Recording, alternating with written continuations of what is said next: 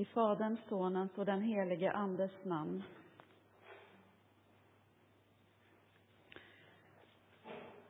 Förra söndagen i vår tidnings kulturdel så intervjuades den före detta hustrun till en känd svensk författare.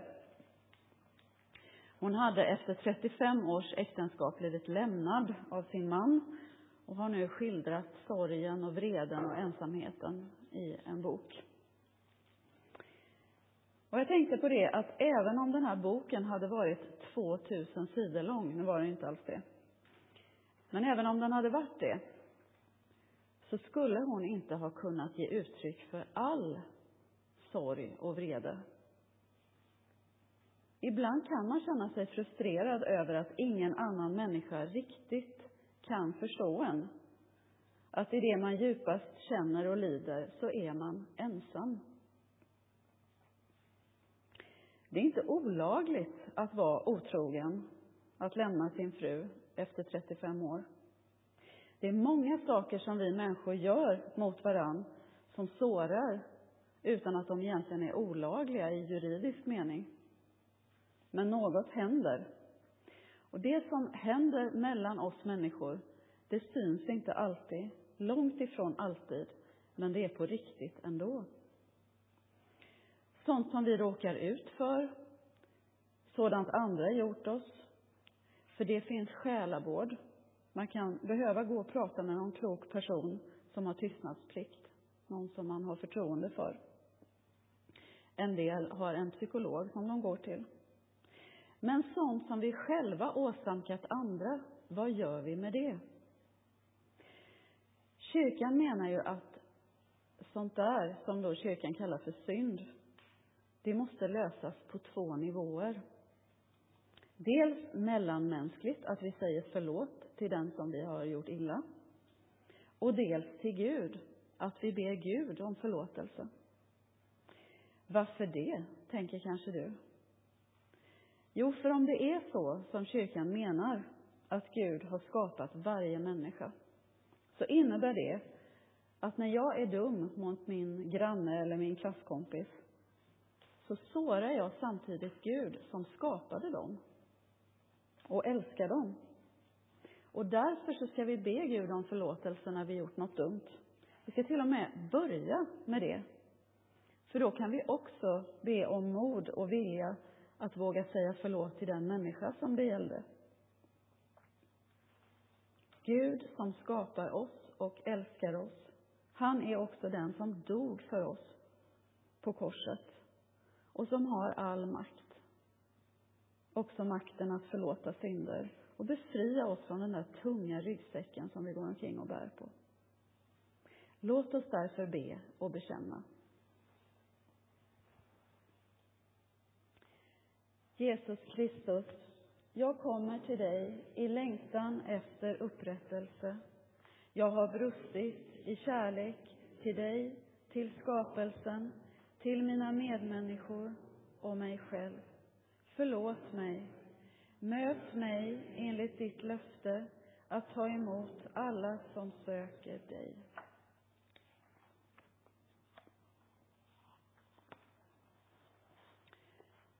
Till dig som ber om förlåtelse säger jag på vår Herres Jesu Kristi uppdrag, dina synder är dig förlåtna. I Guds, Faderns och Sonens och den helige Andes namn. Amen. Låt oss tacka och be.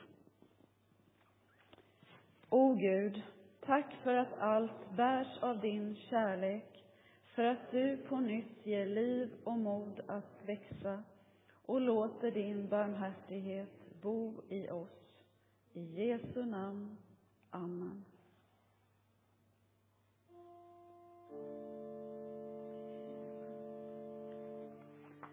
Ah.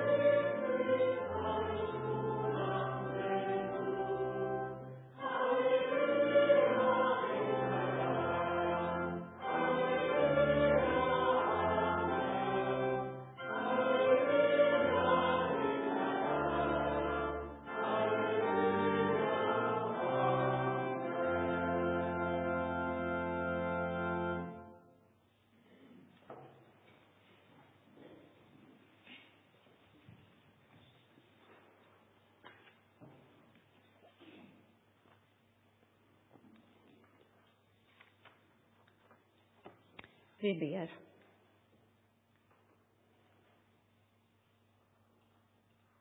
Försoningens Gud, vi tackar dig som sände din son för att rädda världen.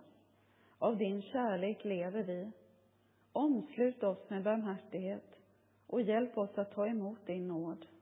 I Jesu namn. Amen. Den gammaltestamentliga läsningen idag är hämtad från fjärde Mosebok.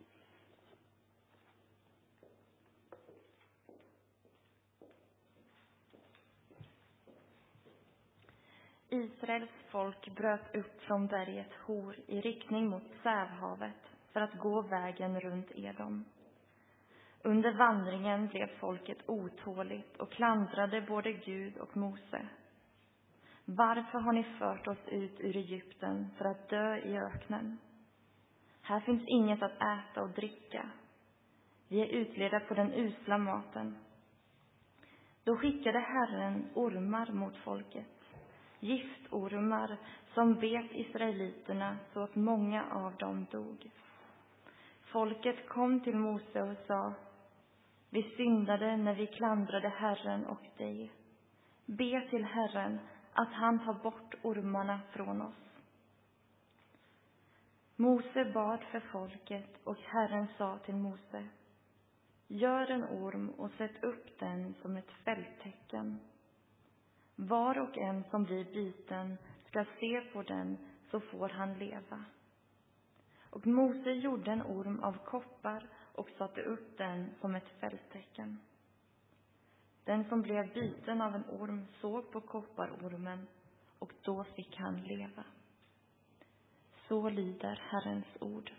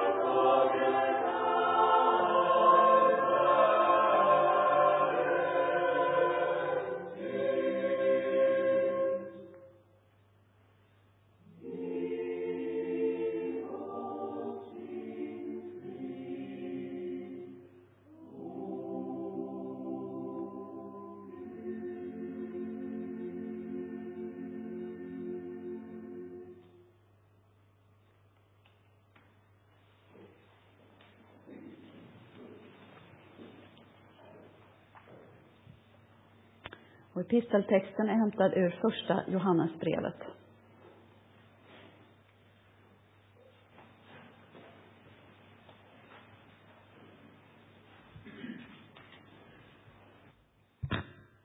Om vi säger att vi är utan synd bedrar vi oss själva och sanningen finns inte i oss. Om vi bekänner våra synder är han trofast och rättfärdig så att han förlåter oss synderna och renar oss från all orättighet orättfärdighet. Om vi säger att vi inte har syndat gör vi honom till en lögnare och hans ord finns inte i oss. Mina barn, detta skriver jag till er för att ni inte ska synda. Men om någon syndar har vi en som för vår talan inför Fadern, Jesus Kristus, som är rättfärdig. Han är det offer som sonar våra synder och inte bara, inte bara våra utan hela världens. Så lyder Herrens ord.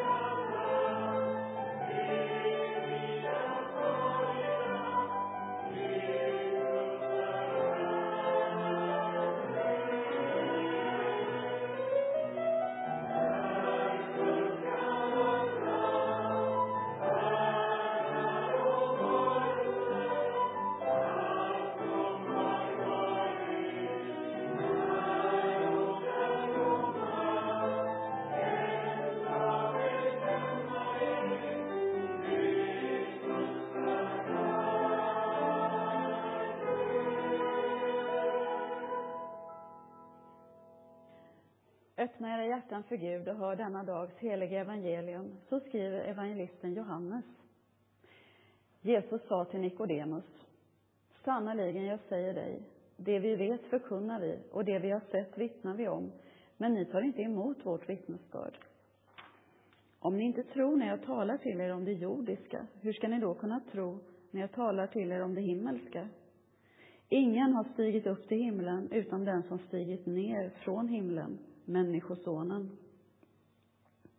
Liksom Mose hängde upp ormen i öknen, så måste Människosonen upphöjas, för att var och en som tror på honom ska ha evigt liv. Så älskade Gud världen, att han gav den sin enda son, för att de som tror på honom inte ska gå under, utan ha evigt liv.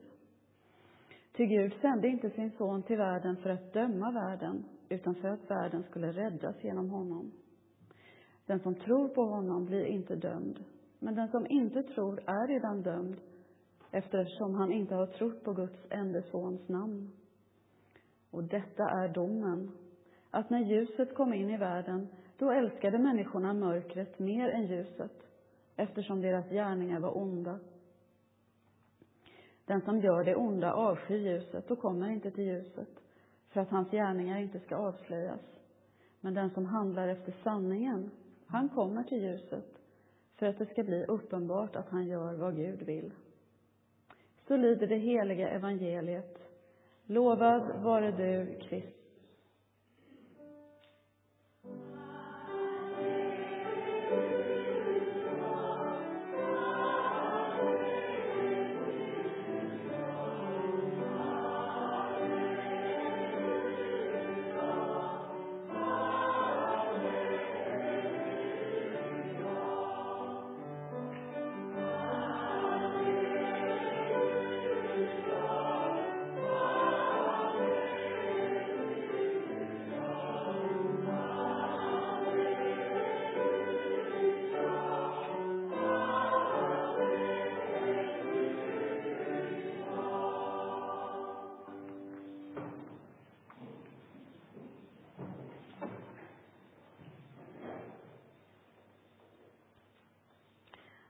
Krävs mycket tro för att sjunga halleluja efter de här svåra texterna.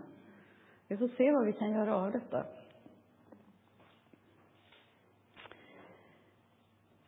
I Bibeln så skildras alla händelser som om att det är Gud som ytterst ligger bakom dem.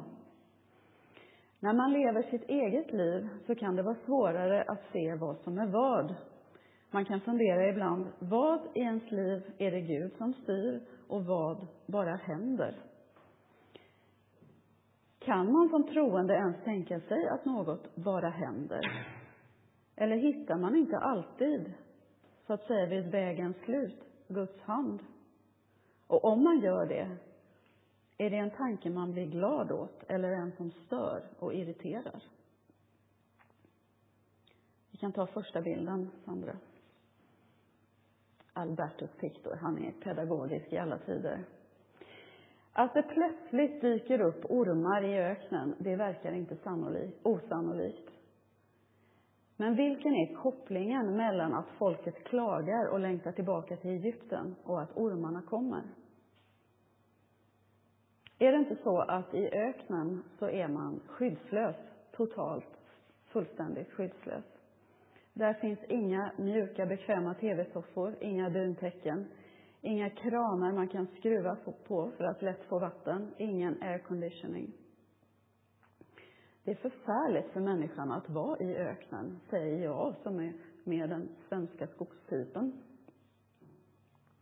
Och jag kan tänka mig att förutsättningen för att israeliterna alls skulle klara sig där i öknen var att de hade Guds beskydd att de höll sig nära honom. Och skulle det i så fall kunna vara så att när de vänder sig bort från Gud, genom att i hjärtat förflytta sig och säga vi skulle hellre vilja vara i Egypten, så går människan miste om det beskydd som hon hade tidigare. Ungefär som att Adam och Eva, vi kan ta nästa bild, när de ätit av frukten från kunskapens träd, inte längre kunde vara kvar i trädgården. Det gick helt enkelt inte. Inte för att Gud inte ville ha dem där. Han hade ju designat hela trädgården just för dem. Men för att tillvaron i trädgården hade vissa givna förutsättningar. Och ruckade man på dem, försökte man ta sig ur dem, så skulle man förr eller senare vandra ut ur ramen, vilket också hände. Adam och Eva fick ju skapa sig en tillvaro utanför trädgården. Och allt sedan dess så är det där vi lever vårt liv, allihop, utanför trädgården. I det karga, i en tillvaro där saker går sönder, där hjärtan kan brista, där det finns vilda djur och jordbävningar och orkaner och virus som gör livet svårt. Människan var i trädgården, men förstod det inte. Ibland så längtar vi tillbaka till idyllen, men vi misstänker att det nog ändå var förfärligt tråkigt och att vi kanske ändå föredrar att få bestämma själva. Bibeln berättar om just detta, om hur människan söker sin egen väg, längtar efter frihet och hur Gud längtar efter människan, söker henne, vill ha nära gemenskap med henne. Och om det då är som Bibeln påstår, att Gud har skapat oss, då har han också lagt ner en längtan i oss efter sig själv. Det är som att vi aldrig riktigt är hemma, utan ofta längtar någon annanstans. Långt ifrån alltid identifierar vi den där någon annanstans med Guds rike. Utan vi letar på alla möjliga ställen. När det inte är coronatid så reser vi långt bort. Vi kan prova exotisk mat, vi experimenterar med droger eller sex. Eller försvinner in i dataspelsvärlden eller trädgårdsodling eller golf. Vi längtar, men ofta så försöker vi tillfredsställa det där djupa begäret på alltför ytliga nivåer. Och förstår inte att det är Gud som vi längtar efter.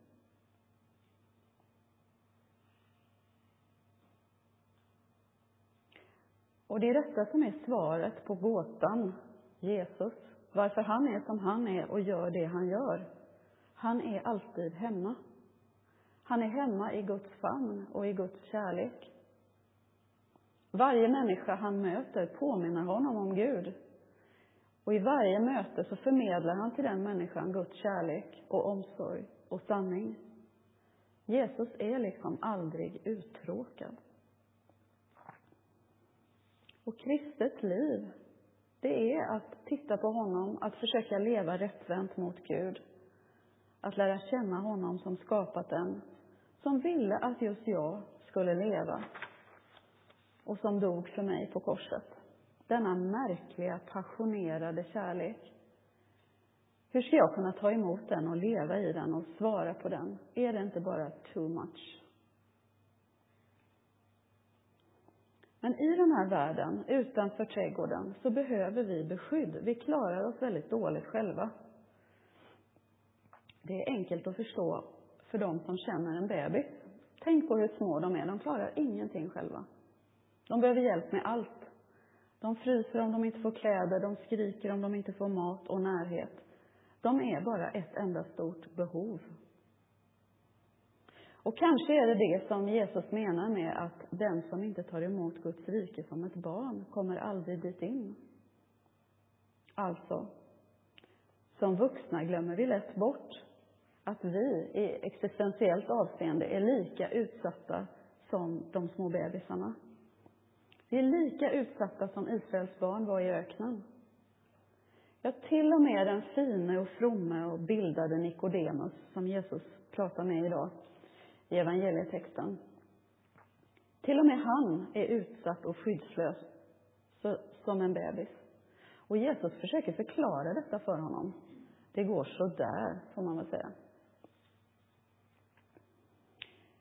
Så älskade Gud världen att han utgav sin enda son för att de som tror på honom inte ska gå under, utan ha evigt liv.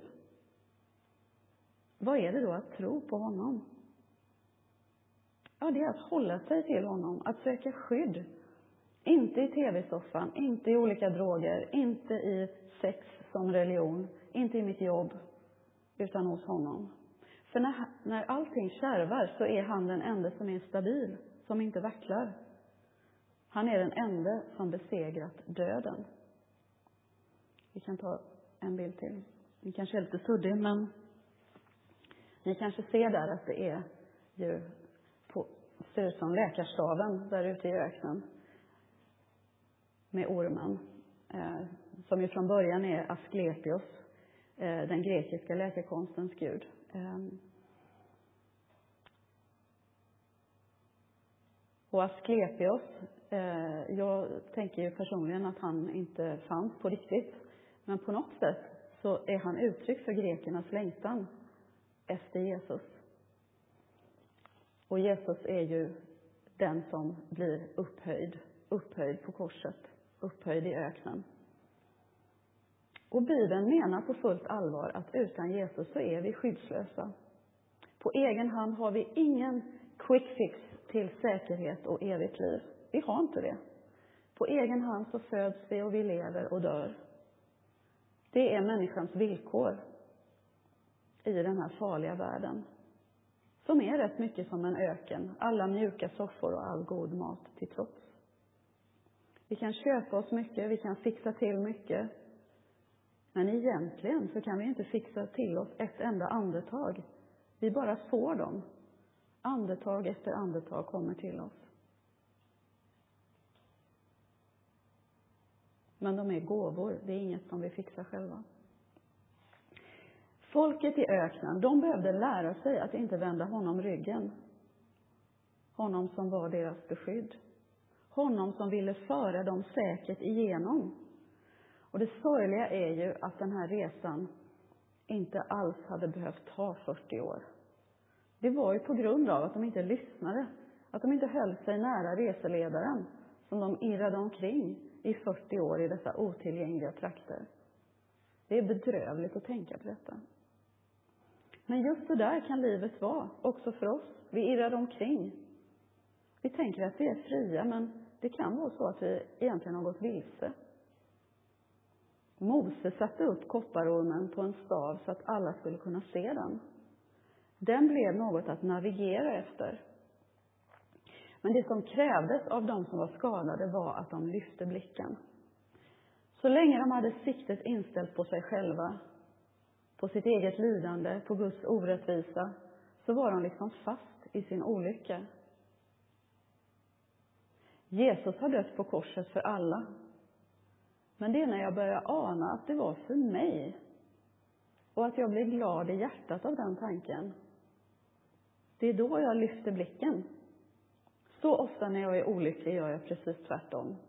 Och då blir jag som Martin Luther formulerade, incurvatus in me. Jag blir inkrökt i mig själv. Korset finns där, men jag bryr mig inte om det.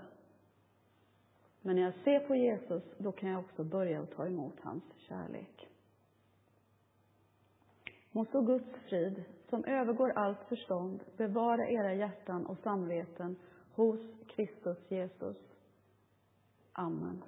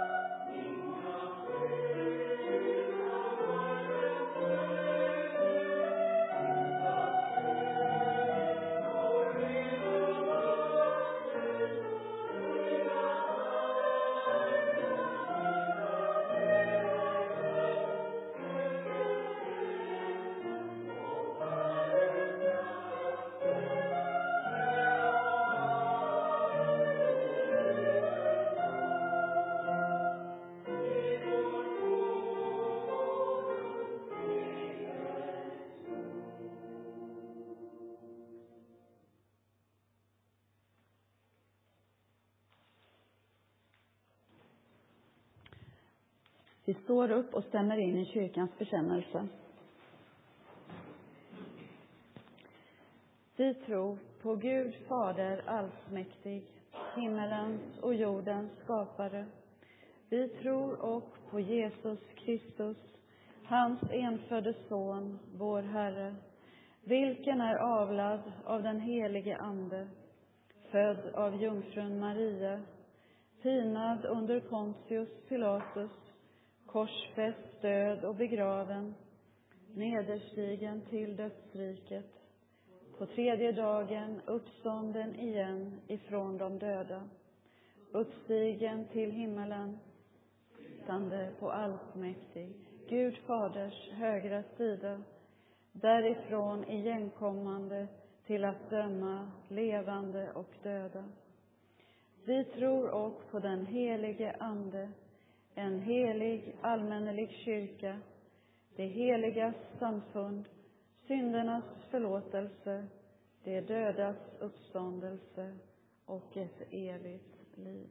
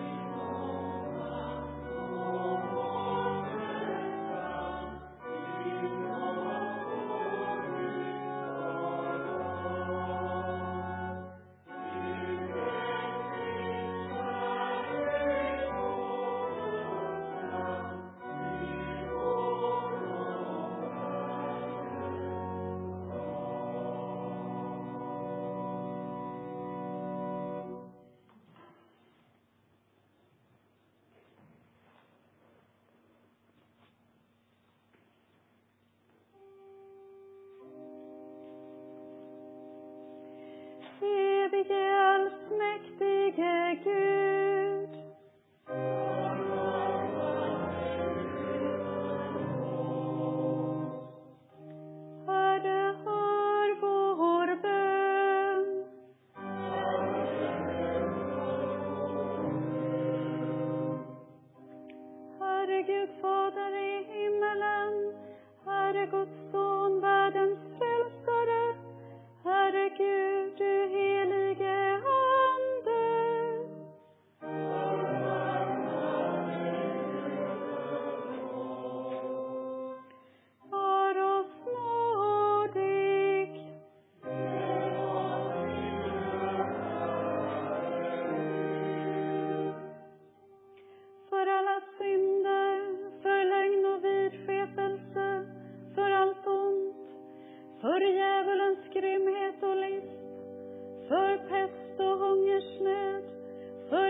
Helig och världsbrand, för ondskans makter i himlarymderna,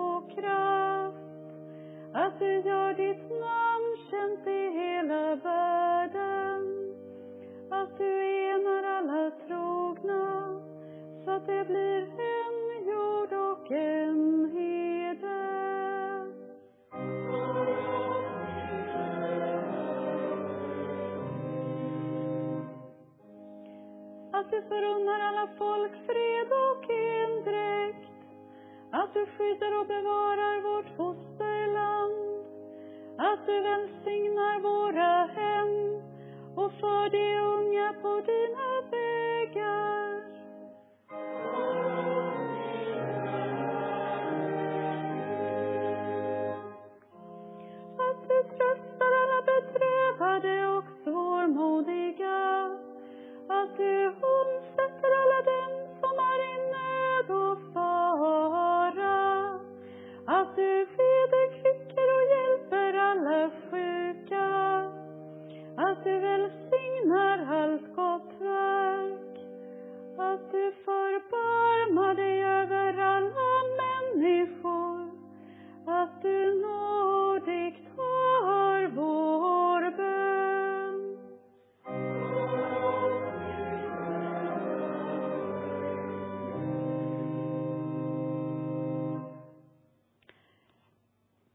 Äktenskap har ingåtts mellan Jens Lundgren och Cecilia Bergman.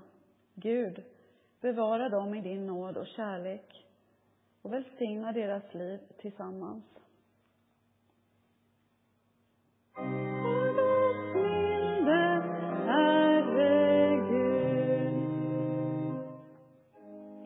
Herre allsmäktige Gud, du som hör de botfärdiga suckar och tröstar bedrövade hjärtan. Hör den bön som vi i vår nöd bär fram och hjälp oss så att allt det onda som djävulen, världen och vi själva tillfogar oss genom din Andes kraft blir tillintetgjort. Så vill vi, frälsta från allt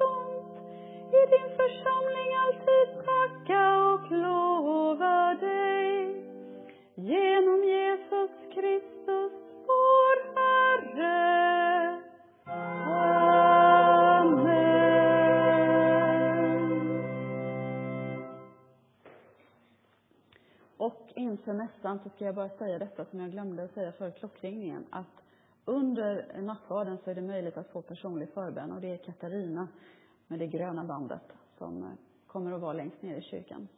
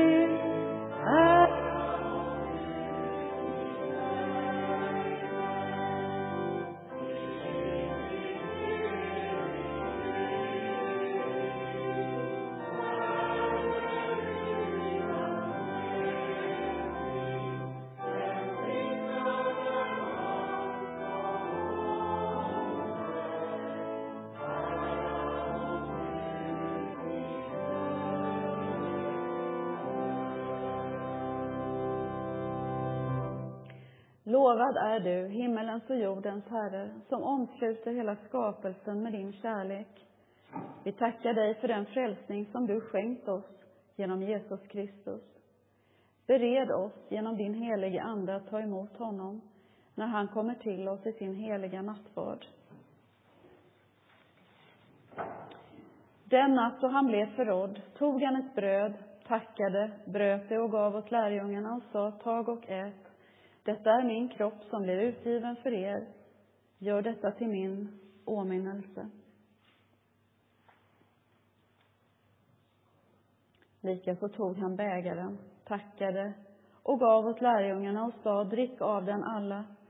Denna bägare är det nya förbundet genom mitt blod, som blir utgjutet för många till syndernas förlåtelse. Så ofta ni dricker av den, gör det till min åminnelse. Stort är trons mysterium. Din död förkunnar vi, Herre, din uppståndelse bekänner vi, till dess du kommer åter i härlighet. I väntan på Jesu Kristi återkomst i härlighet lovar vi dig, din är all ära nu och alltid och i evighet. Amen. Vår Fader, du som är i himlen. Låt ditt namn bli helgat. Låt ditt rike komma. Låt din vilja ske på jorden så som i himlen. Ge oss idag det bröd vi behöver och förlåt oss våra skulder liksom vi har förlåtit dem som står i skuld till oss. Och utsätt oss inte för prövning utan rädda oss från det onda. Ditt är riket, din är makten och äran i evighet. Amen. Brödet som vi bryter är en delaktighet av Kristi kropp. Så är vi, fastän många, en enda kropp, ty alla får vi del av ett och samma bröd. Vare med er.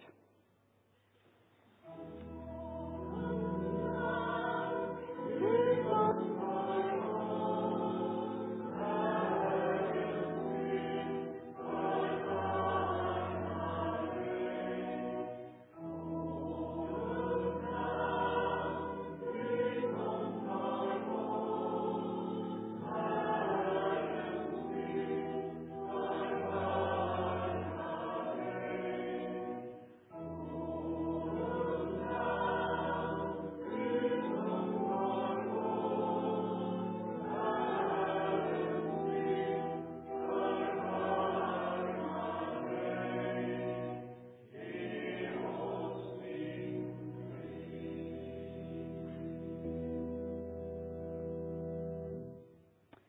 om, nu är allt tillrätt.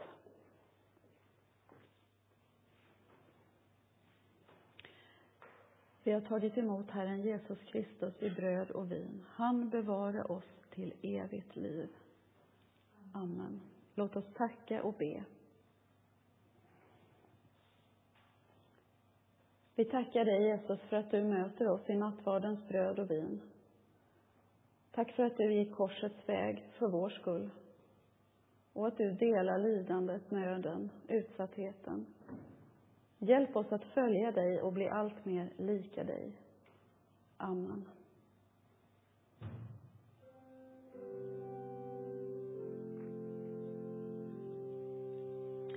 Vi prisar och tackar Gud.